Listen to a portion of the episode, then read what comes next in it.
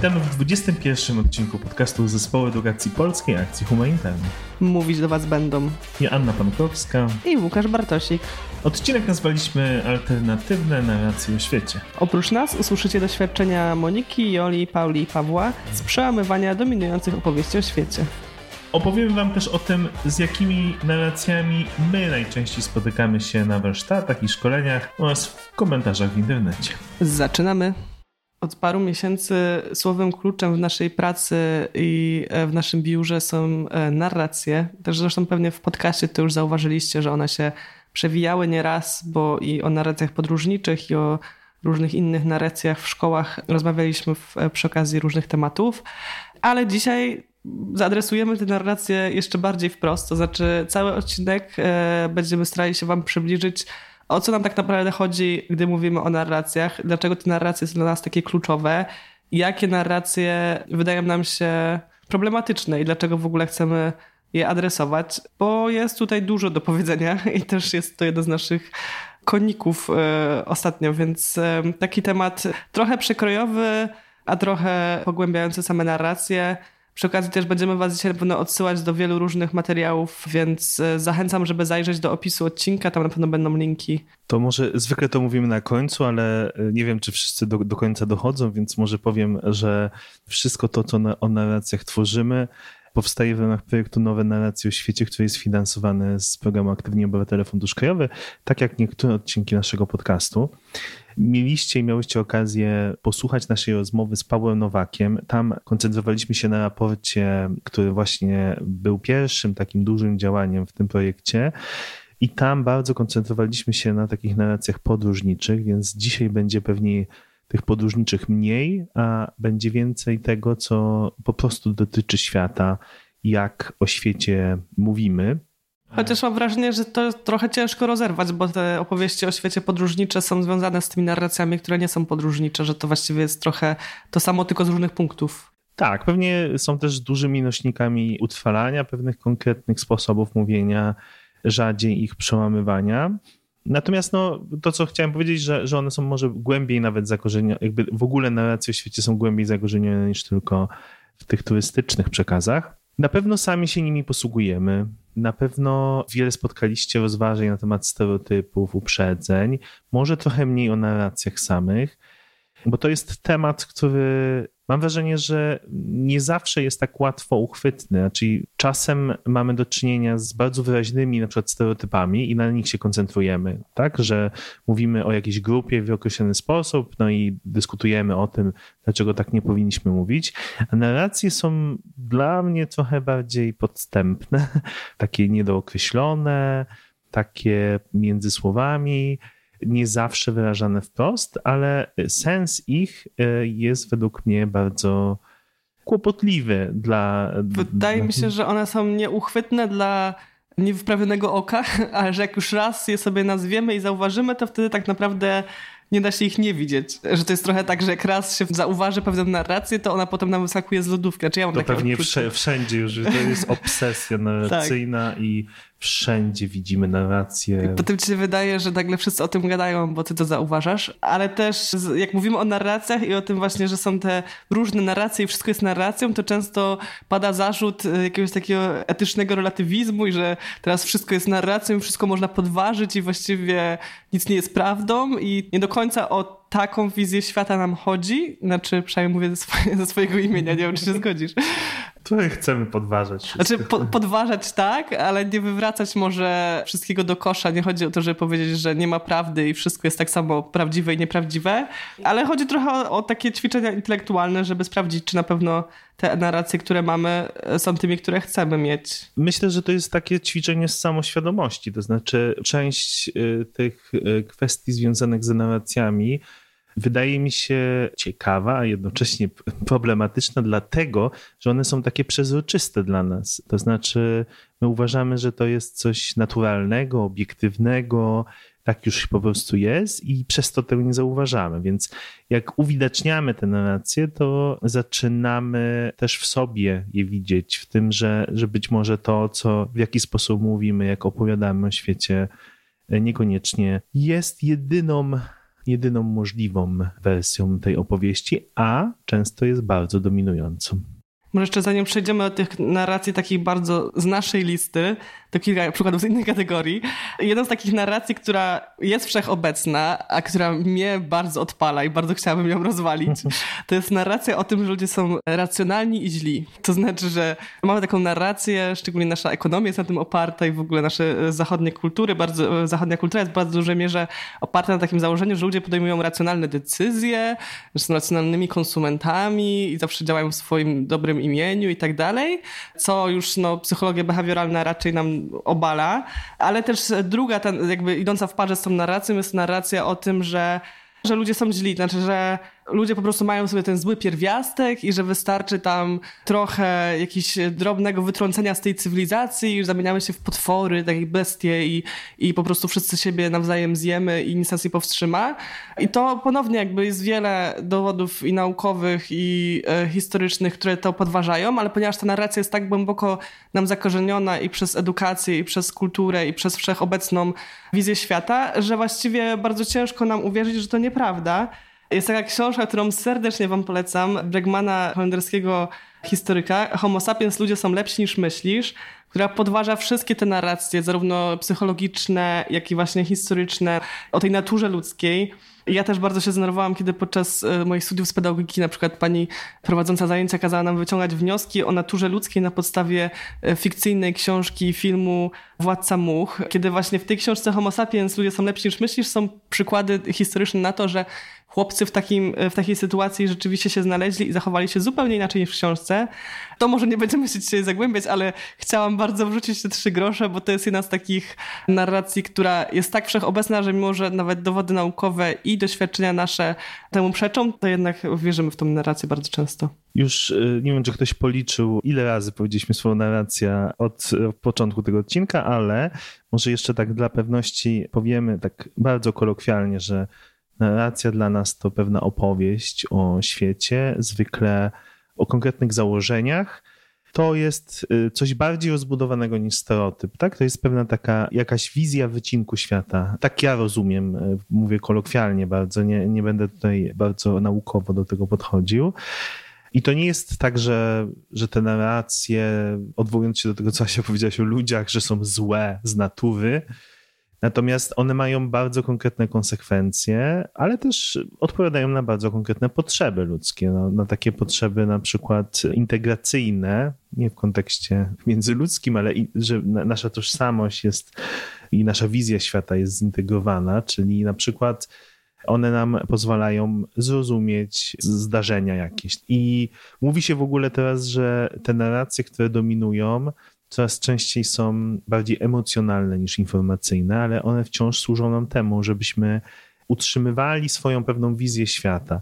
Tu jest bardzo dużo o spójności, o ciągłości, tak, żebyśmy to, co do nas przychodzi, jakaś informacja, zintegrowali z tym, co dotąd e, wiemy o świecie. No, pewnie każdy z nas ma takie doświadczenie z rozmową z osobami na przykład o innych e, poglądach, że tu między innymi jest ta sytuacja takiego konfliktu narracji, to znaczy, że nieraz mamy tak inne podłoża, fundamenty tego, jaka jest nasza wizja świata, że trudno nam się zgodzić. Nie wiem, jakieś rozmowa przywołane tutaj kwestie ekonomiczne chociażby, tak? Jakby, że jak ktoś wierzy w to, że rynek reguluje wszystko itp., to będzie trudno mu zaakceptować pewne rozwiązania takie interwencjonistyczne. Na przykład. Ale też chcielibyśmy Was bardzo zaprosić do tego, żeby e, w tym myśleniu o narracjach nie bawić się tylko wskazywanie paluszkiem w drugą stronę, ale też postawić się przed lustrem i zastanowić się, które narracje u mnie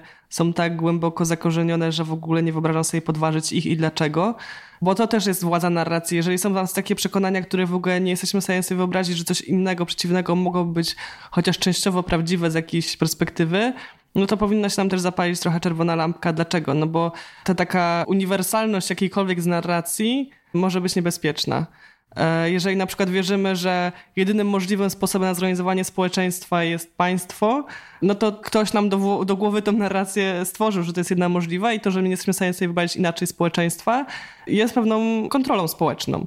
I tak samo, jeżeli nam włożono do głowy narrację o tym, że nasz recykling i nasze segregowanie śmieci i nasze codzienne zwyczaje noszenie plastikowej butelki to jest to, co zmienia klimat, no to też jest pewne narzędzie władzy, które kontroluje e, nasze zachowanie i które ma bardzo konkretne konsekwencje, na przykład dla korporacji i wielu innych podmiotów. E, więc e, warto też tutaj nie tylko bawić się w to, jakie narracje widzimy wokół siebie u innych, ale też co w nas w tych narracjach jest takiego zabetonowanego.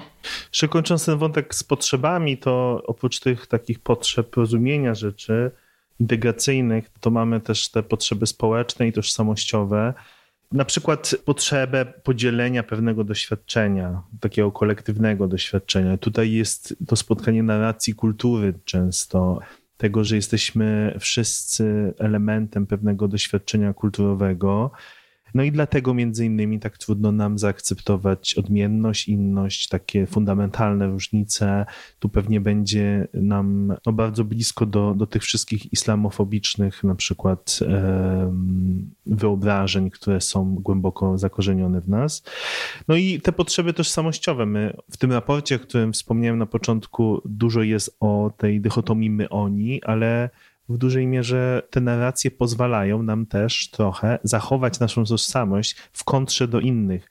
Czyli jak e, będziemy dzisiaj pewnie wśród przykładów ocierać się o temat cywilizacji na przykład, no to to jest dla mnie taki przykład, że my jesteśmy cywilizowani przez to, że są jacyś inni niecywilizowani, tak? Jakby, że że jest jakaś grupa, która stoi niżej w tym rozwoju, dzięki temu to buduje naszą tożsamość y, bycia cywilizowanym w bardzo określony sposób, wymyśloną i rozwiniętą. To myślę, że też e, często osoby doświadczają, kiedy zaczynają podróżować, że po raz pierwszy na przykład zaczynają odczuwać jakąś tożsamość narodową, gdy wyjeżdżają poza swój kraj, albo na przykład odczuwać swoją narodowość europejską, kiedy po raz pierwszy znajdują się poza Europą, bo wtedy jest ten inny, do którego można się odbić i jakby poczuć jakąś przynależność grupową z osobami, które mają jakieś określone doświadczenia podobne do nas. No oczywiście to też jest e, kwestia kontekstu, ale moglibyśmy równie dobrze na przykład utożsamiać się, nie wiem, z osobami wykształconymi w różnych krajach bardziej niż na przykład e, z narodowościami, albo moglibyśmy się bardziej utożsamiać, nie wiem, z osobami podróżującymi, niezależnie od pochodzenia, bo mają pewnie dużo wspólnych naszych doświadczeń, ale znowu te narracje dotyczące pochodzenia są tak silne, że często tą tożsamość e, wyróżniamy jakoś ponad inne.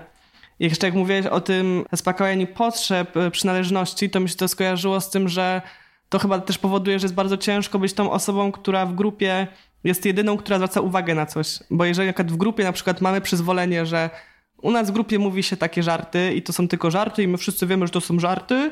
Jeżeli e, jesteś jedną osobą w grupie, która czuje, że to nie są tylko żarty i że to warto by jednak się zastanowić, dlaczego takie rzeczy mówimy, to bardzo ciężko jest to przełamać, jeżeli rzeczywiście wszyscy w grupie zgodnie twierdzą, że o, czepiasz się ale jeżeli na przykład uda nam się przekonać już jedną osobę i, i to się zaczyna jakoś ten balans przechylać, to wtedy rzeczywiście łatwiej mieć taką konwersację, ale jeżeli jesteśmy jedną osobą, no to też na poziomie emocjonalnym to jest trudno, no bo wiadomo, że nie, nie chcemy nigdy być wykluczeni społecznie, szczególnie w jakiejś grupie, na której nam zależy. Więc to też jest takie niebezpieczeństwo tych narracji, że często też badania psychologiczne pokazują, że nawet jeżeli ludzie wiedzą, że coś niekoniecznie jest prawdziwe, ale wszyscy wokół tak myślą, to żeby przynależeć, to dobra, to ja się już zgodzę, że to, co mówią, to jest prawda, tylko że po prostu nie być e, odludkiem, odlud, e, odludką, e, wyrzutkiem społecznym tak zwanym. Mam też takie wrażenie, że stając w kontrze wobec narracji, de facto burzymy pewien porządek, że mamy takie poczucie, że powiedzieć w takich sytuacjach e, żartu jakiegoś, ale to, to może być na przykład, nie wiem, chociażby sytuacja wykładu jakiegoś na uczelni, gdzie nagle ktoś staje i mówi, że tak nie jest, albo tak niekoniecznie musi być. I to burzy pewien porządek, taki ład, e, który stoi u podstaw jakby naszego codziennego życia. To trochę też mam wrażenie, że jest tak jak ze stereotypami, bo ta, rozmowa, będę się odwoływał do tych stereotypów, bo, bo o nich często rozmawiamy, tak myślę społecznie nawet, odwołujemy się do jakichś tam stereotypów, ale tam jest też zawsze takie pytanie, czy można, czy jest sens je zwalczać, czy nie, czy one czasami nam jakby nie pomagają. Mam wrażenie, że z narracjami jest podobna sprawa, tylko jest to dyskusja trochę na wyższym, bardziej abstrakcyjnym poziomie, bo to nie dotyczy bardzo konkretnych słów, tylko dotyczy jakichś schematów myślowych, które są po prostu nabyte przez nas w drodze socjalizacji, w szkole, w określony sposób, w sposobie myślenia o nas. No, my mam wrażenie, że w Polsce mamy też takie wielkie narodowe narracje, które ukształtowały nas, które są podbite przez literaturę, przez sposób działania w ogóle tak w przestrzeni publicznej, no to chyba każde państwo, znaczy może nie każde, ale wiele państw czuje bardzo silną potrzebę chyba kształtowania takich narracji po to, żeby właśnie toż, tożsamość tworzyć. Wydaje mi się, że to jest takie dość... Yy, no, no tak, tak, to, że to z tożsamością narodową jest podobnie jak z tożsamością taką osobistą, że ona się na jakichś historiach, na jakichś opowieściach buduje, chociaż oczywiście mam wrażenie, że ostatnio niektóre są bardzo intensywnie wspierane ale to może temat na inną rozmowę.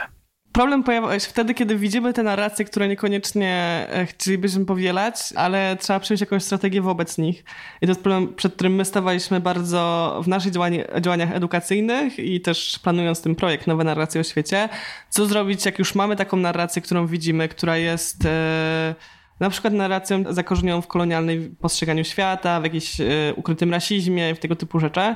Czy po prostu udać, że jej nie widzimy i budować kontrnarrację zupełnie niezależnie, równolegle, po to, żeby nie podbijać, nie wzmacniać tej narracji, która istnieje, czy właśnie zaadresować się wprost, y, rozłożyć ją na czynniki pierwsze i powiedzieć to nieprawda, to nieprawda, a to na to można spojrzeć inaczej, a to wynika z tego, a to wynika z tamtego. No bo z jednej strony y, jest dużo takich teorii komunikacyjnych, które mówią, że ten, kto kieruje doborem słów i tych metafor, których używamy, no to już wygrywa dyskusję, tak? Czyli na przykład, jeżeli my odpowiadamy na czyjeś argumenty używając tego słownika, która ta osoba zaproponowała, nawet jeżeli się z nim nie zgadzamy, to w jakiś sposób y, dajemy tej osobie w cudzysłowie wygrać tę dyskusję, dlatego że ta właśnie narracja, to, to wyobrażenie, które stoi za tymi metaforami, tymi słowami, jakby zaczyna dominować w przestrzeni.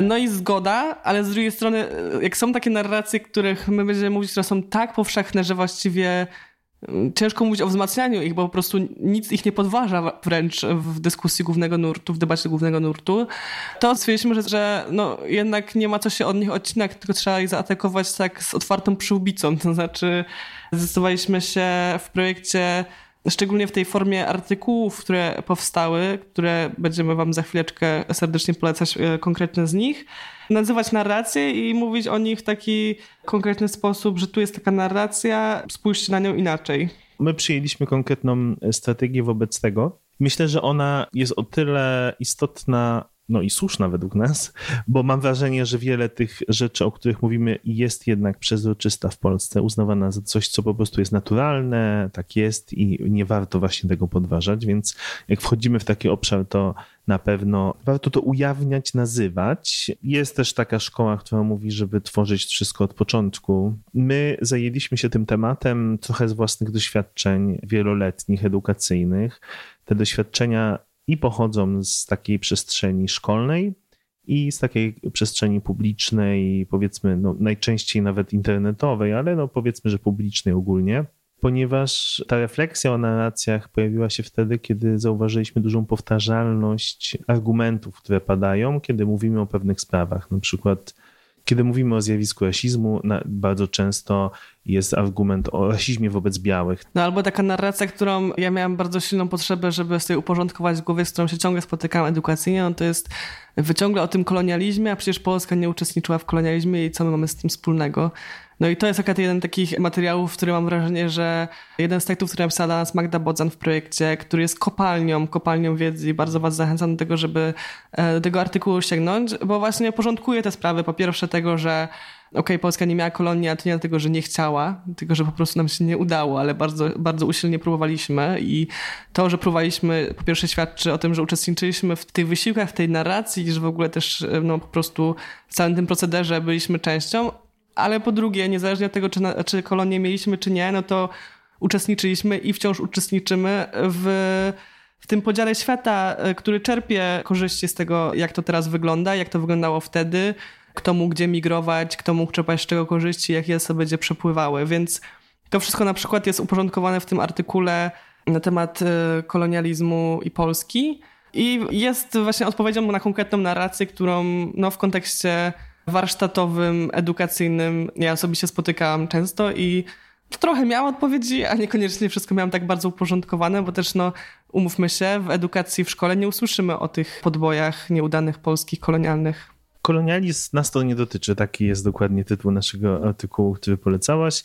Ja natomiast miałem dużą potrzebę, żeby stworzyć jakiś materiał i zmierzyć się z narracją Białego Zbawcy, bo jest to coś, co jest w nas głęboko zakorzenione i dość powszechne w przestrzeni reklamowej, pomocowo-NGO-sowej, kościelnej na przykład, w szkołach, z którymi pracujemy. Z uwagi na to, że Polska Akcja Humanitarna głównie zajmuje się pomocą humanitarną, to wiele o tym dyskutujemy w różnych środowiskach i wiele jest podejść do tego. Jest tutaj taki dylemat z jednej strony zachęcać ludzi do aktywności w zakresie pomagania, a z drugiej strony nie powielać pewnych takich konkretnych schematów, które są głęboko w nas utrwalone.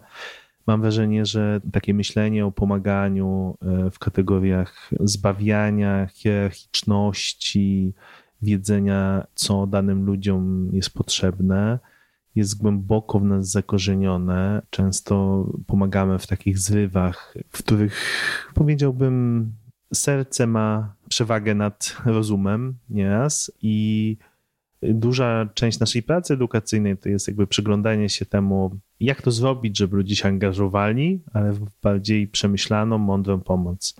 No i z uwagi na, na tą pomoc humanitarną, to jest y, szczególnie taki aspekt y, międzynarodowy, bo tu wkraczamy z naszym bagażem koloru skóry, wkraczamy w miejsca, w których ten kolor skóry nie jest dominujący, ale jednocześnie ma bardzo określoną władzę.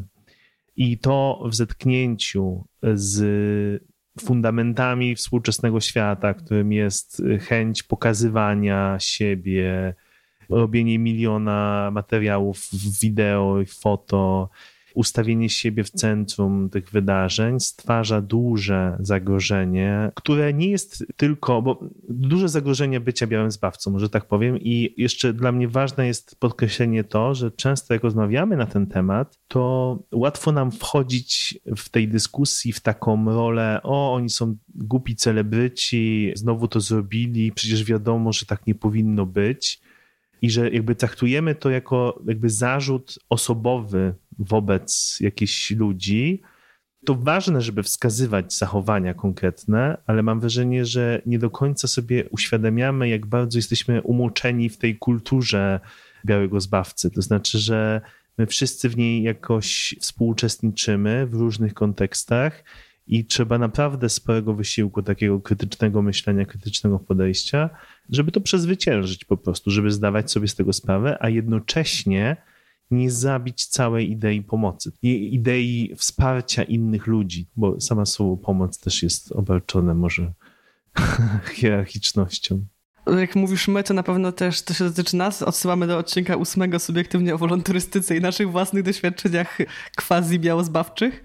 Ale sama ta narracja, znaczy w ogóle ten termin e, syndrom białego zbawcy, on jest bardzo rozpowszechniony w dyskursie anglojęzycznym. W Polsce pojawia się gdzieś tam bańkowo, ale nie jest chyba bardzo rozpoznanym terminem, dlatego też jeden z materiałów, które powstały w projekcie jest właśnie filmik na temat białego zbawcy, który w taki mamy nadzieję, przystępny sposób e, w parę minut tłumaczy w ogóle o co chodzi w tym zjawisku. To ponownie nie chodzi o to tylko, żeby definiować sobie rzeczy dla definiowania, ale jak zdefiniujemy, to łatwiej nam potem to zauważyć i e, w jakiś sposób rozbroić. To znaczy, jak zauważymy o co chodzi w tym syndromie białego zbawcy, to potem jak zobaczymy zachowania z tej kategorii, to będzie nam bardziej dzwoniło, że coś tutaj może być nie tak. Więc dlatego zachęcamy, żeby się zapoznać z tym syndromem. I też nie od razu wchodzić w rolę hejtera i pisania teraz wszystkim y, z białym z syndromem białego zbawcy ty debilu albo jakoś tak w komentarzach na Facebooku, tylko pobudzania innych do refleksji. Ja osobiście bardzo wierzę w siłę tych pytań albo dzielenia się swoimi doświadczeniami. To jest myślę, że taka, taka strategia, która pozwala nam wyrazić się, ale też pozwala zakwestionować pewne rzeczy i uwidocznić, że nie dla każdego jest to taki sposób, który powinniśmy akceptować. My jeszcze w tym wspomnianym odcinku podcastu o subiektywnie o wolontarystyce obiecywaliśmy, że będzie kolejny odcinek, który będzie mówił bardziej o wolontarystyce jako zjawisku. To wciąż jest na naszej liście, jeszcze nie powstało, ale pewnie e, powstanie, mam nadzieję, wkrótce. Ale jeżeli są wśród nas osoby, które chciałyby trochę więcej o tym zjawisku się dowiedzieć, to przechodzimy tutaj z kolejnym artykułem powstałym w projekcie. Ponownie Magda Bodzen go napisała i nazywa się Czy jadąc na wolontariat do Afryki, gwiazdeczka przy Afryce zbawiasz świat. Gwiazdeczka dlatego, że Afryka tutaj rozumiana metaforycznie, dlatego, że ta narracja właśnie dotyczy Afryki, a oczywiście wiemy, że to bardzo duże i różnorodne miejsce. Ale tak, ten artykuł mówi trochę więcej o samym przemyśle wolonturystyki, więc jeżeli jesteście rządni nie takich subiektywnych opowieści z doświadczenia, a trochę danych e, o tym, jak to wygląda globalnie, jakie pieniądze i jakie skutki ma wolontarystyka, to odsyłamy do tego artykułu. To ja od razu odeślę do drugiego filmiku. Afryka to nie państwo, bo może mieliście takie doświadczenia, że rozmawiając z kimś o kontynencie afrykańskim, mieliście wrażenie, że traktuje on go jako monolit.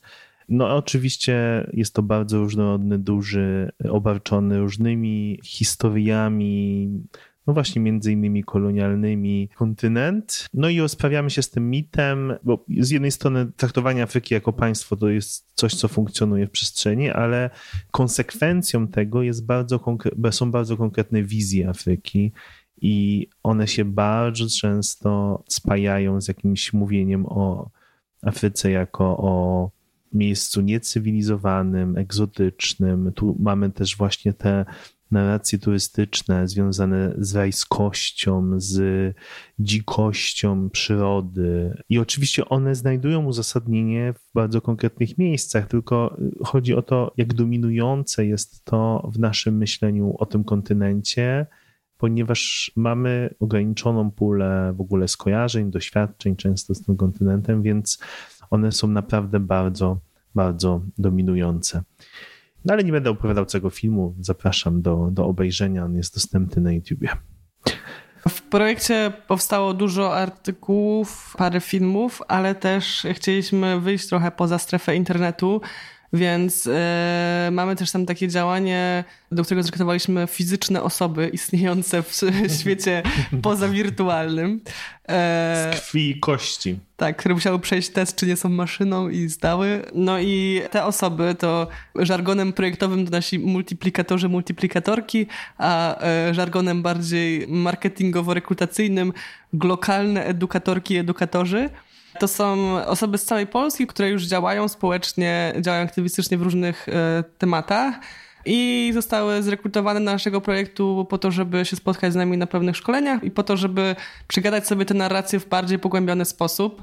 Teraz wypuściliśmy ich z powrotem w Polskę i mam nadzieję, że będą to mnożyć, rozsiewać w swoich środowiskach i też planują i działają już w zakresie swoich wydarzeń, które o tych narracjach opowiadają ale e, skorzystaliśmy też z ich obecności na szkoleniu, żeby nagrać z trójką z tych osób e, krótkie e, wypowiedzi do naszego podcastu na temat tego, jakie narracje im najbardziej gdzieś tam utkwiły w głowie po naszych spotkaniach warsztatowych. I teraz właśnie ich posłuchamy. Jako pierwszej posłuchamy Pauli, która właśnie będzie się odwoływała do trochę do tego, o czym przed chwilą mówiliśmy, czyli tego obszaru pomocowego.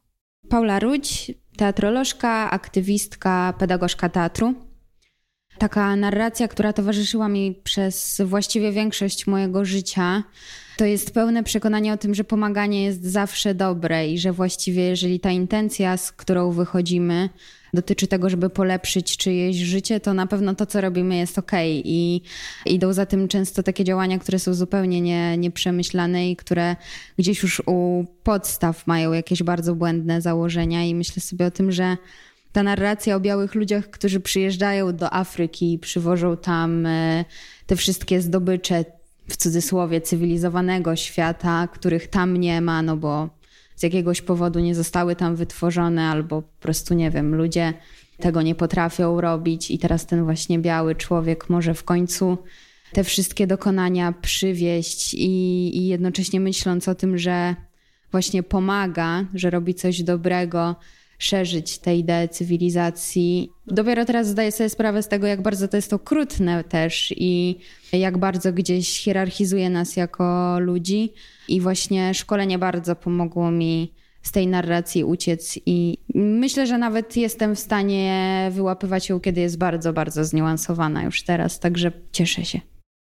Jesteśmy obecnie w takim momencie, w którym kolektywnie jako społeczeństwo przechodzimy przez lekcje pomagania, więc mam wrażenie, że wiele osób e, ma takie poczucie już dosyć rozwinięte po refleksjach różnych wspomagania, że to wcale nie jest takie łatwe i że istnieje pomoc dobra i zła, kolokwialnie mówiąc, adekwatna i nieadekwatna no i oczywiście kluczem do tego wszystkiego są potrzeby. I ja lubię mówić o pomocy i myśleć o pomocy w taki sposób, że od czego ona się zaczyna? Czy zaczyna się od zaspokojenia naszych potrzeb jako osoby pomagającej, czy od y, myślenia o potrzebach tej osoby, której chcemy pomóc? I nawet jeżeli nam się to za bardzo nie spaja z naszymi wyobrażeniami, jak powinna wyglądać ta pomoc, to uszanowanie tych potrzeb e, jest kluczem e, według mnie do adekwatnej pomocy. Zresztą my od wielu lat działając w obszarze pomocy humanitarnej mamy wyostrzone zmysły na to zagadnienie, bo o ile jeszcze pomoc Ukrainie jest pomocą, powiedziałbym, w miarę bliską nam, to w momencie, kiedy mówimy o sytuacjach takich jak, nie wiem, pomoc Haiti czy pomoc w Nepalu, to wszystkie te sytuacje, o których sobie możecie pomyśleć teraz w kontekście Ukrainy, się wyostrzają, to znaczy kwestia sensowności pomocy rzeczowej, wysyłania rzeczy, gromadzenia, magazynowania, wszystkie te doświadczenia związane z tym, że ludzie przy tej okazji oddają wszystko, co e, jest im niepotrzebne i to wymaga ogromnego wysiłku, żeby to przesortować, ale też no, pobudza tą refleksję na temat tego, co to jest pomoc y, szanująca godność ludzi, tak? Czy my chcielibyśmy otrzymać na przykład brudne rzeczy albo bardzo zużyte rzeczy? Z kwestiami pomocowymi też łączy się bardzo taka narracja przyczyn potrzeb. To znaczy, w sytuacji wojny to może jest trochę bardziej jednoznaczne, bo wiadomo, że podczas wojny cywile potrzebują pomocy ale w bardzo wielu sytuacjach e, kryzysów humanitarnych to nie są sytuacje wojenne, tylko to są sytuacje dużo bardziej skomplikowane, gdzie owszem, często występują też konflikty, ale na przykład występują one obok bądź wskutek jakichś katastrof naturalnych, suszy, powodzi, różnych tego typu zjawisk. To wszystko są często skomplikowane procesy polityczno-społeczne, w których te globalne powiązania są często ukryte i my też rzadko kiedy zadajemy sobie pytania o te skutki. Właśnie często ta więc jakoś ciągle mówię często i naj, najczęściej zawsze e, bardzo tutaj e, dużo takich brzydkich słów używam. Zdarza się tak, że w tych narracjach zatrzymujemy się na tym, że ktoś cierpi, potrzebuje pomocy, litujemy się, udzielamy pomocy i to jest jakiś tam odruch emocjonalny, a nie mamy tego odruchu zastanowienia się, dlaczego to cierpienie wystąpiło i czy moje działanie w jakiś sposób przyczyniło się do tego cierpienia. Znaczy, jeżeli konflikty albo właśnie katastrofy występują na przykład na kontynencie afrykańskim, o którym mamy bardzo konkretne stereotypowe wyobrażenie, to często idzie za takie założenie, no tak, no tam tak jest. No w Afryce tak jest, że po prostu ludzie cierpią. Jest taki artykuł też e, na naszej stronie, który się nazywa Bieda, wojna, głód, sami są sobie winni. I on trochę e, rozbraja właśnie te różne argumenty tego, że to, że ludzie na przykład e, są w spirali konfliktów bądź są w spirali jako państwo zadłużenia, to niekoniecznie wynika z ich nieudolności bądź złych chęci, tylko że to też bardzo często są konsekwencje naszego ulubionego kolonializmu, ale też takich procesów jak na przykład spirale zadłużenia, które zapoczątkowane były w czasach kolonialnych, albo z procesami wyprowadzania podatków w rajów podatkowych, które też powstały w kontekście dekolonizacji, bo nie wiem, czy znacie tę część historii, że właśnie raje podatkowe powstały po to, żeby ukryć kolonialne zdobycze, więc jeżeli jesteście ciekawi tego typu kwestii i trochę szerszego kontekstu, jak to się dzieje, że pewne części świata częściej e, właśnie potrzebują w cudzysłowie pomocy, albo częściej są w tej sytuacji takiej no dość trudnej, no to zachęcam do przeczytania artykułu, a, a przede wszystkim zachęcam też do po prostu stawiania sobie tych pytań, no bo jeżeli już postawimy sobie te pytania i zaczniemy się zastanawiać i szukać jakichś e, schematów, dlaczego pewne rzeczy występują w takich schematach, no to już jesteśmy bardzo blisko do znalezienia, myślę, odpowiedzi. I myślę, że to jest doskonały moment, aby przysłuchać się drugiej wypowiedzi naganej. Teraz opowie o swoim odkryciu narracyjnym Paweł. I ono właśnie będzie dotyczyło pewnego głębszego spojrzenia na relacje między kontynentami, między częściami świata. Paweł Galiński, pedagog, capoeirista. Narracja, która mnie zaskoczyła i zmieniła mój pogląd, to rolnictwo w Afryce i to, jak bardzo jest ono uzależnione od Europy. Przede wszystkim chodzi tu o wsparcie finansowe europejskiego rolnictwa przez Unię Europejską, przez co taniej jest Afrykańczykom importować jedzenie z Europy, na przykład mleko w proszku, niż wytwarzać je na miejscu. Uważam to za niezwykle egoistyczne ze strony Europejczyków, szczególnie, że jesteśmy już po kolonializmie i wydawałoby się, że zrobiliśmy lekcje, ale niestety postkolonializm trwa i jest to wstydliwe dla ludu europejskiego, że ciągle wykorzystujemy inne kraje, żebyśmy mieli lepiej. To, o czym e, Paweł opowiedział, jest rozwinięte w takim filmie, który często używamy w naszej działalności edukacyjnej. Tym razem nie naszym, ale Instytutu Globalnej Odpowiedzialności. To jest animacja Skąd się bierze głód, taka krótka, dostępna na YouTubie. I myślę, że to jest w ogóle bardzo ciekawy przykład globalnej współzależności, zjawiska, o którym mamy bardzo konkretne wyobrażenia. Mam wrażenie, że są dominujące narracje związane z głodem też powiązane między innymi z tym, jak widzimy świat. Wszelkie obrazy, na przykład pochodzące z kontynentu afrykańskiego, które zwykle powiązane są z, właśnie z kwestią pomocy, sprawia na przykład, że mamy konkretne wyobrażenie o głodzie na świecie. Natomiast w tej animacji jest bardzo konkretnie powiedziane o tym, że, że głód jest zjawiskiem politycznym, że jego przyczyny tam wskazane są polityczne, ponieważ bardzo konkretnie zostały ukształtowane relacje między państwami, między regionami świata. Między innymi te wskazane przez Pawła dopłaty do rolnictwa są oczywiście super sprawą z naszej perspektywy. Pamiętam, jak wchodziliśmy do Unii jak dużo uwagi w publicznej debacie tym dopłatom było. Y, Chociaż też ta narracja się trochę może niuansować teraz, no bo te dopłaty były ukierunkowane w to, żeby te rolnictwa szły w bardzo dużo, wielkoprzemysłowe i to, czy to było takie super, też już nie jest takie jednoznaczne mhm. teraz. Tak, no ale myślę sobie w kontekście takiego patrzenia o tym, że to jest fajne, bo nam służy.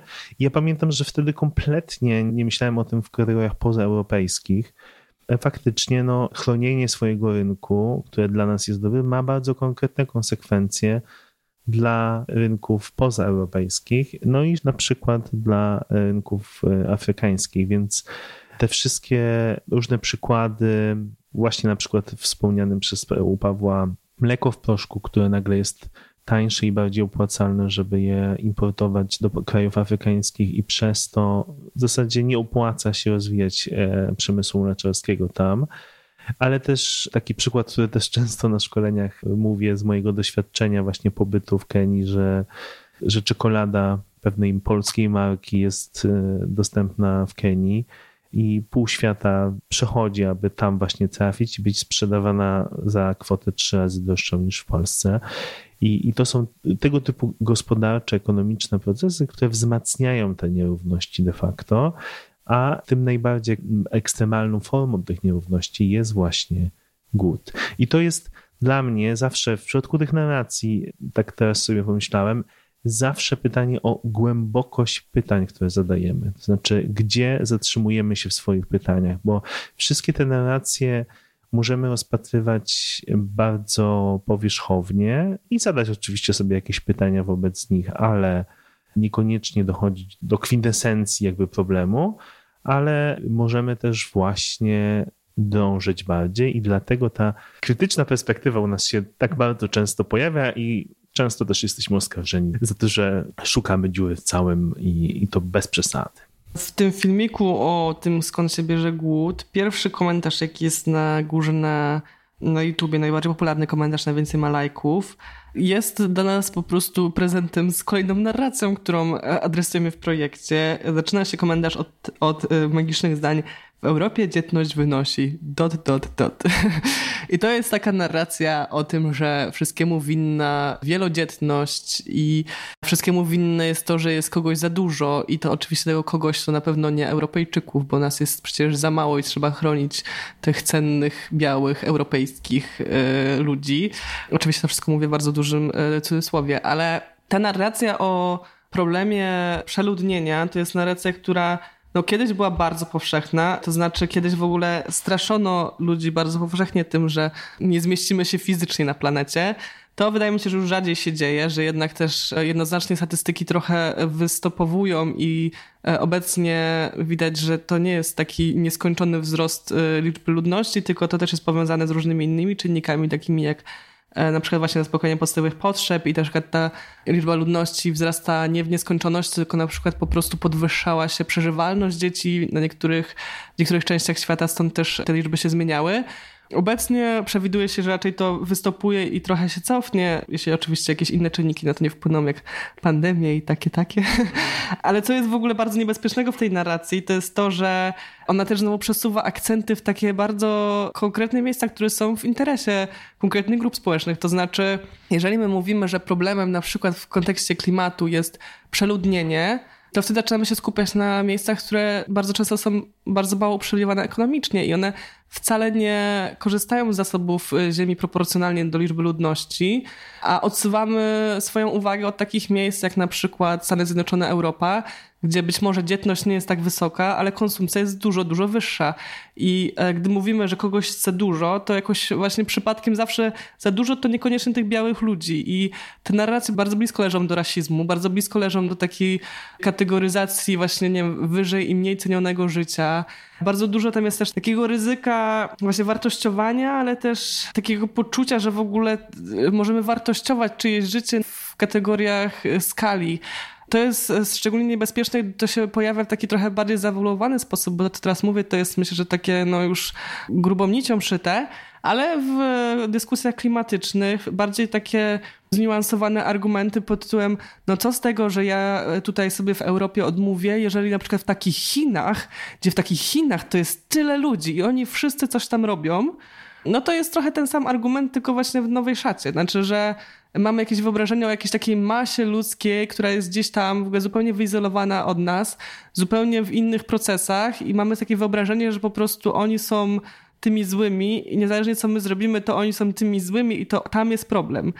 Ale się zapaliłaś do tego tematu, widzę, że emocjonalnie no, bardzo. Bo to jest taka narracja, która jest wszechobecna na przykład w narracji klimatycznej Billa Gatesa. To jest narracja, która jest obecna w narracji klimatycznej bardzo wielu właśnie tych milionerów, którzy mają e, interes w tym, żeby odwrócić uwagę od siebie i od swojej konsumpcji. I ona jest wbrew pozorom bardzo powszechna wciąż. I żeby zaadresować tę narrację, e, Magda Bodzon napisała kolejny artykuł, który nazywa się Gdyby tylko było ich mniej. I ona w artykule właśnie te różne kwestie przybliża na podstawie danych, na podstawie przepisów i różnych, e, znaczy jest tam bardzo dużo przepisów i bardzo różnych takich statystyk, które pozwolą wam zawalczyć w dyskusjach na ten temat i możecie się tak odpalić jak ja. Koniecznie przeczytajcie i później ćwiczcie na swoich rodzinie, bliskich argumenty wszelkiego typu z tego, z tego artykułu, a jeżeli macie też jakieś dodatkowe, to liczymy na wasze głosy Zależało nam na tym, żeby te artykuły były krótkie, więc nie wszystko na pewno tam jest. To już zareklamowaliśmy sporo. Nie będziemy reklamować wszystkiego, ale mam nadzieję, że skorzystacie z różnych naszych polecajek. Ale może powiedzmy, chyba jeszcze nie padło, że wszystko to znajduje się na jednej konkretnej stronie internetowej, bo my tak mówimy artykuły, filmy, to sram, to wam to, ale to wszystko jest na pach.org.pl ukośnik narracje i tam znajdziecie wszystkie te materiały od badania YouTube'a przez też odcinki podcastu po artykuły i filmy i karty do filmów i wszystko inne.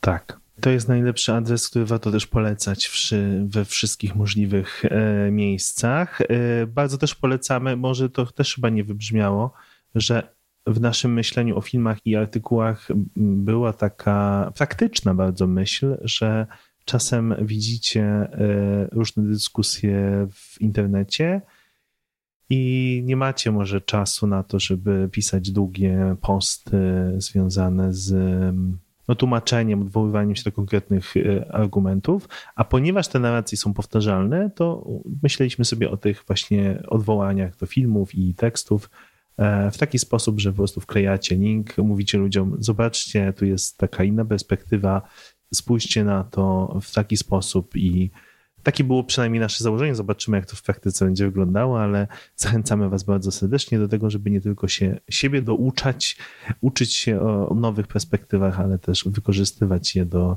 publikacji e, rzeczy w internecie i edukowania innych. No i ostatnia chyba już polecajka z naszej strony dotyczy tematu, który wydaje mi się, że adresowaliśmy y, tak troszeczkę, nawet chyba w pierwszym, odcinku naszym europocentryzmie, czyli tematu rozwoju krajów rozwiniętych, nierozwiniętych, rozwijających się. No i właśnie w tym temacie mamy trzecią obiecaną wypowiedź, wypowiedź y, Joli, którą może najpierw posłuchamy, a później odwołamy się do samego tekstu. Dzień dobry. Nazywam się Jola, jestem tłumaczką, aktywistką, działaczką regionalną. I właśnie z tym zawodem tłumacza i z moim regionem związana jest moja narracja. Będąc podczas tłumaczenia na granicy polsko-białoruskiej tłumacząc e, migrantów z krajów afrykańskich. Tam nauczyłam się bardzo dużo o tych krajach. Uznałam, że w ogóle jestem totalną ignorantką na temat nazw tych krajów i było dla mnie wielkim odkryciem, że są dwa kraje, Demokratyczna Republika Konga i Kongo i że posługują się mieszkańcy nazwą tego kraju, dodając stolicy, żeby je odróżnić. To było bardzo ciekawe i wracałam na każde kolejne tłumaczenie bardziej przygotowana. Uczyłam się o tych krajach, uczyłam się o tym, co się tam wydarzyło właśnie teraz, dlaczego oni stamtąd uciekają, jakie mają problemy, jak te ich wyglądają ich miasta, wsie, mieszkania, jak adres można zapisać. Dużo ciekawych rzeczy i uznałam, że ta właśnie moja ignorancja na temat tych krajów, na temat tego, skąd oni pochodzą, jak wygląda życie tam, to jest taka sama ignorancja, z którą spotkałam się bardzo blisko siebie na moim podwórku, czyli jak mieszkam na Podlasiu i ludzie do mnie przyjeżdżają i myślą, że przyjeżdżają do skansenu, to jest dokładnie ta sama narracja i ta sama ignorancja, która była tam. Podlasie jest postrzegane jako miejsce, gdzie nie ma cywilizacji, tak jak w krajach afrykańskich uważamy, że jej nie ma i myślę, że dopiero jak e, obejrzymy coś godnego uwagi, które nie tworzy tej narracji albo po prostu sprawdzimy to osobiście, przyjedziemy i zobaczymy jak tam jest, to możemy wypowiadać swoje zdanie na temat tego miejsca. Dziękuję. No, z tą tezą Joli o tym, że wystarczy wyjechać, żeby się wypowiedzieć, y, że jak już się wyjedzie, to można się powiedzieć, to nie wiem, czy bym się zgodziła, bo niestety, tak jak y, mówiliśmy wielokrotnie w odcinkach o podróżach i o narracjach YouTube'owych y, podróżniczych, to podróże niekoniecznie kształcą i podróże kształcą wykształconych i czy też, żeby nie nadawać temu wykształceniu, nie chodzi nam o edukację formalną oczywiście, ale chodzi o to, że pewne narracje mogą się wzmacniać nawet, nawet jeżeli spotkamy się z tym cudzysłowie obcym. Nawet jeżeli pójdziemy w to miejsce, w którym mamy dużo stereotypów, to nasza percepcja może być tak zakrzywiona, że będziemy szukać potwierdzeń tej swojej wizji świata i bardzo często się tak zdarza, że, że jadąc gdzieś tylko potwierdzamy nasze stereotypy, no musimy też pamiętać o tym, że, że funkcjonujemy w bardzo konkretnym kontekście, w roli podróżnika, turysty, no chociażby gościa, tak jakby w tym sensie, że, że jesteśmy w określonej roli i to według mnie zniekształca też nasze patrzenie na daną rzeczywistość. No, po drugie, to jest na pewno w tym sporo prawdy, że są analogie między narracją o Podlasiu a całej szerokiej Afryce, są takim właśnie cywilizacja, nie cywilizacja, ale na pewno też są różnice, no bo jeśli chodzi o Afrykę, to mamy tam nałożenie się bardzo wielu różnych narracji, które są ze sobą w sprzężeniu. No, o Podlasie na pewno też, tylko bardzo jakby wycinek tego się pokrywa, ale jest też dużo części rozłącznych i pewnie jest taka narracja Podlasia, który jest bliżej natury i dalej od cywilizacji, ale to też może się pojawiać często w takim pozytywnym, romantyzowanym kontekście takiego właśnie idyllicznego, wakacyjnego miejsca, co czasem też dotyczy niektórych miejsc w Afryce, a jednak częściej wydaje mi się, że tam jest ta narracja niebezpieczeństwa, zagrożenia, biedy, wojny i takiej ogólnej tragedii. Egzotyki też. No ja myślę, że turystycznie to tam też jest trochę o naturze. Tu bym znalazł takie połączenie. więcej o tym skansenie, o którym wspomniała Jola, ale trochę w innym, w takim bardzo etno wydaniu, takim kolorowym tańców, e, dzikości, jakichś rytuałów, tego typu rzeczy. No ale tak, na, na pewno gdzieś tam mamy te zazębiające się rzeczy. To, co powiedziałaś o ucieczce z cywilizacji, to myślę, że też jest trochę o tym, tylko w trochę innym wymiarze, takim globalnym bo tutaj dochodzą do tego takie myślenie o, wiem, że inne rzeczy są ważne dla, dla tych ludzi tam, że to jest jakiś taki świat, dawny nasz świat i w ogóle tutaj często się właśnie pojawia to takie skojarzenie, że oni żyją tam tak, jak my kiedyś żyliśmy, i tu jest trochę z tego romantyzowania naszych doświadczeń. Szczególnie wydaje mi się, jest to widoczne właśnie, jak rozmawia się o tych regionach w Polsce albo w ogóle w krajach postkomunistycznych. Szukamy tej analogii wobec naszej historii. Ale ostoją tego wszystkiego według mnie jest ta dychotomia cywilizacja, niecywilizowane, prymitywne, a rozwinięte, tego typu rzeczy. No i idea rozwoju, bardzo konkretnie traktowana jako coś linearnego, coś, co jest zakorzenione właśnie w takim myśleniu, że jest pewien taki punkt docelowy, do którego wszystkie kraje dążą. I my jesteśmy bliżej tego punktu, czyli najbliżej są oczywiście te najbogatsze kraje, ale my też pamiętam, jak znowu powołam się na ten moment, wstępując do Unii Europejskiej, na przykład dążyliśmy, dużo było mówienia o tym, że musimy jakby ścigać ten Zachód i dochodzić do pewnego etapu rozwoju. I jak patrzymy na to globalnie, to tak jest też pojmowane często kraje mniej uprzywilejowane, kraje azjatyckie, Ameryki Południowej, Afryki, że one są na niższym poziomie rozwoju i że one powinny dążyć do pewnego modelu, którym jest, którym są konkretne kraje europejskie czy amerykańskie. A tak naprawdę tylko powiem, że prawda jest taka, że gdyby każdy chciał żyć na przykład tak jak ludzie w Stanach Zjednoczonych, to potrzebowalibyśmy pięciu planet, a gdyby każdy chciał żyć tak jak w Polsce, to byśmy potrzebowali trzech planet.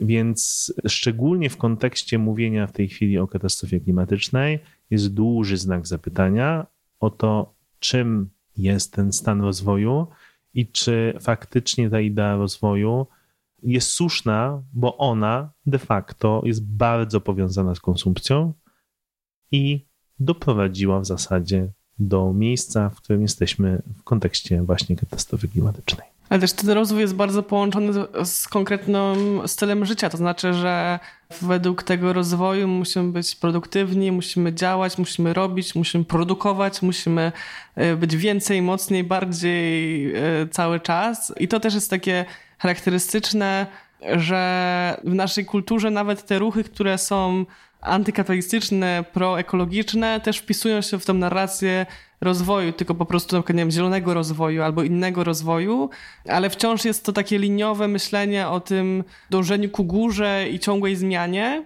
I sama ciągła zmiana jest e, wartością. Bycie stateczne jest czymś negatywnym. I to też jest coś, coś takiego, co trudno w sobie przełamać jako narracja, która jest głęboko zakorzeniona, żeby sobie wyobrazić, że dobre życie albo jakby, że jakiś ideał wartości może być inny. Znaczy, że możemy nie chcieć ciągłych zmian i tego tak zwanego rozwoju, że, że można mieć życie, w którym wartością jest spokój, stateczność. I tu nie mówię o takim, w cudzysłowie, wyjechaniu w Bieszczady, tylko mówię o całej, jakby, nie wiem, kulturze, gdzie po prostu społeczeństwo jest oparte na innych wartościach. I tak samo jak ciężko nam sobie wyobrazić nieindywidualistyczne społeczeństwo, bo w takim żyjemy, tak samo ciężko mi sobie, e, nam sobie wyobrazić życie w społeczeństwie, które nie ma tej potrzeby ciągłego rozwoju, ponieważ nawet jeżeli jesteśmy właśnie e, za zielonym rozwojem, to wciąż jednak ciągle myślimy o tym rozwijaniu się. I tu ponownie z, w zanadrzu mamy artykuł pod tytułem Rozwój nie dziękuję, który mówi trochę o samej historii w ogóle rozwoju i pojęcia tego, alternatyw dla tego pojęcia, jak inaczej można o tym myśleć i o tym, że tak naprawdę ta narracja nie dość, że jest problematyczna jako narracja, to też po prostu jest nieskuteczna, bo to, co ona obiecuje, czyli to wyrównanie poziomów życia, się wcale nie dzieje, a wręcz przeciwnie, skutki są bardzo odwrotne. Mam nadzieję, że ten odcinek służyć Wam będzie jako taki impuls do refleksji nad różnymi dominującymi opowieściami o świecie, ale musimy Was ostrzec, że to myślenie o tym i rozbrajanie tych wszystkich opowieści wcale nie musi być e, pozbawione emocji. I na koniec zachowaliśmy dla Was e, jeszcze jedną naszą gościnę, która opowie o swoim procesie zetknięcia się z tymi nowymi narracjami, co zaprowadziło ją wprost do swoich szkolnych lat i doprowadziło do takiej krytycznej rewizji różnych treści, które się w szkołach pojawiają. Posłuchajcie Moniki. Dzień dobry, nazywam się Monika, pochodzę z Wołowa, jest to mała miejscowość na Dolnym Śląsku. Z wykształcenia jestem menadżerem eventów, ale na co dzień zajmuję się animacją kultury, e, jestem edukatorką, czy aktywistką może nie do końca, ale jestem wciąż w procesie, więc mam nadzieję, że w przyszłości się to troszkę zmieni jeszcze bardziej. Jeżeli chodzi o narrację, ostatnio e, zderzyłam się z taką sytuacją, dość dla mnie, można by powiedzieć, poszerzającą mega horyzonty, ponieważ, no, przyznam się, byłam po prostu w liceum i w szkole podstawowej. Przez w ogóle lata mojej edukacji, no, kujonem, byłam ambitna, uczyłam się, czekałam na te oceny nauczycieli, które mi wystawiali. Natomiast nigdy nie zwracałam uwagi na to, czy te rzeczy, o których uczą nas w szkole, są zgodne z jakimiś wartościami, które powiedzmy ówcześnie wyznawaliśmy. Stąd też, kiedy przyszłam jako uczestnik projektu o nowych narracjach organizowanym przez Pach, zderzyłam się ze ścianą pod tytułem Halo, no Kolumb nie odkrył Ameryki, on ją przecież zdobył. Co dla mnie było taką, wiecie, wow, Naprawdę, w szkole podstawowej jest to nawet hołbione, że no, Kolumb zdobywca, brawo, brawo dla niego, a tak naprawdę to nie jest, bo zapominamy o ludziach, którzy ówcześnie tam mieszkali. Co się z nimi stało, co się z nimi dzieje, jak to jest pojmowane. Druga sprawa, jeżeli chodzi o też edukację naszą, no na przykład książki, które jesteśmy też wprowadzani, jesteśmy obligowani tego, żeby je czytać i nigdy nie, naprawdę, no nigdy w mojej edukacji przynajmniej nie spotkałam się z tym, że w Pustyni i w Puszczy prowadzi taką narrację wobec ludności afrykańskiej, mogę to tak ogólnie nazwać, bardzo agresywną, że to są po prostu plemiona tubylcze, niecywilizowane, że ten bohater Staś, który ratuje Nel, no halo, nie? To jakby takie są rzeczy, o których w polskich szkołach się nie mówi i mnie to bardzo przeraża z punktu widzenia no, młodej osoby, jak jesteśmy, mogę powiedzieć prosto, manipulowani. Nigdy nie zwracamy uwagi na te narracje, które są w szkole, więc y, chciałabym też zaapelować do potencjalnych uczniów albo słuchaczy tego podcastu, żebyśmy zwracali szczególną uwagę właśnie na narrację, że nie zawsze to, co uczą nas w szkole, musi się zgadzać. I też chciałabym, żeby po prostu uczniowie no, zwracali na to uwagę, co jest takiego przekazywane nam w szkołach i żebyście się też nie zamykali w książkach, nie czytali ich od A do Z, tylko zwracali uwagę na to, co was otacza i na całe środowisko. Bo może być sytuacja taka, że znajdziecie kiedyś się w takiej sytuacji, że wy będziecie osobami, powiedzmy, które będą po tej drugiej stronie, a to nie jest fajne. Także Polecam. Mam nadzieję, że będzie to dla Was początek lub środek drogi, którą my też przechodzimy od kilku lat, e, myśląc o sprawach globalnych, zastanawiając się, w którym miejscu postawić akcent, jak to wszystko e, zmienić, jak głęboko powinna ta zmiana zachodzić. Jeżeli chcielibyście jeszcze pogłębić te tematy, to mamy dla Was jeszcze jedną propozycję oprócz wszystkich tych artykułów i filmów. Zapraszamy Was do naszych kursów mailingowych, szczególnie do, do tego, który nazywa się Nowe narracje o e, świecie. W różnych edycjach, też na w stronie pacho.pl ukośnik narracji znajdziecie informacje, jak się do niego zapisać. To jest taka forma dawkowanej powolutku wiedzy na ten temat, regularnie przychodzącej na wasze skrzynki mailowe i też okazja do spotkań w bardziej kameralnym gronie online i podyskutowania na ten temat. To może tylko dodam, że to nie jest alternatywa dla tych artykułów i filmów, tylko może forma uporządkowania ich, bo ten kurs też się opiera właściwie o te wszystkie treści. Oczywiście nie wyłącznie, ale w dużej mierze te artykuły, te filmy, też nasze podcasty są treścią tego kursu, więc jeżeli chcielibyście zapoznać się z nimi, ale jakoś strasznie dużo tego dzisiaj padło i macie poczucie, że no za dużo tej pracy domowej, to kurs może być taką formą przetrawienia tego w mniejszych pigułkach. Więc e, zachęcam pod tym względem. Ale to też jest dobre zaproszenie dla innych, jeżeli chcecie kogoś tak delikatnie zaprosić do refleksji, to e, nie musicie od razu konfrontować się ze wszystkimi argumentami, tylko powiedzieć: hej, ho, tutaj jest taki kurs, może byś się zapisał, zobacz, to jest całkiem ciekawe zapraszamy. Albo też można, co już jest formą wymarzoną przez nas, zapisać się razem ze znajomymi i spotykać się i dyskutować wokół tego. To by było po prostu spełnienie naszych największych marzeń, żeby ten kurs był żywy i żebyście mogli sobie wokół nich rzeczywiście rozmawiać i trawić. Trawić narrację nie pod takim względem dobra, zła, to teraz tamtą wyrzucam do kosza i biorę tą nową, tylko żeby one były gdzieś tam pracujące ze sobą w dialogu i niuansować sobie te przekazy. Czyli tradycyjnie nie mamy dla Was jasnych odpowiedzi, ale zachęcamy do kwestionowania, zastanawiania się i myślenia na różne tematy. No i oczywiście obiecujemy, że w kolejnych odcinkach też jakieś aspekty będą, może nie stricte, nie będziemy nazywać je narracja o tym, ale słuchając naszych odcinków myślę, że bez problemu znajdziecie różne takie krytyczne aspekty szukania i dekonstruowania narracji. A tymczasem do usłyszenia. Do usłyszenia.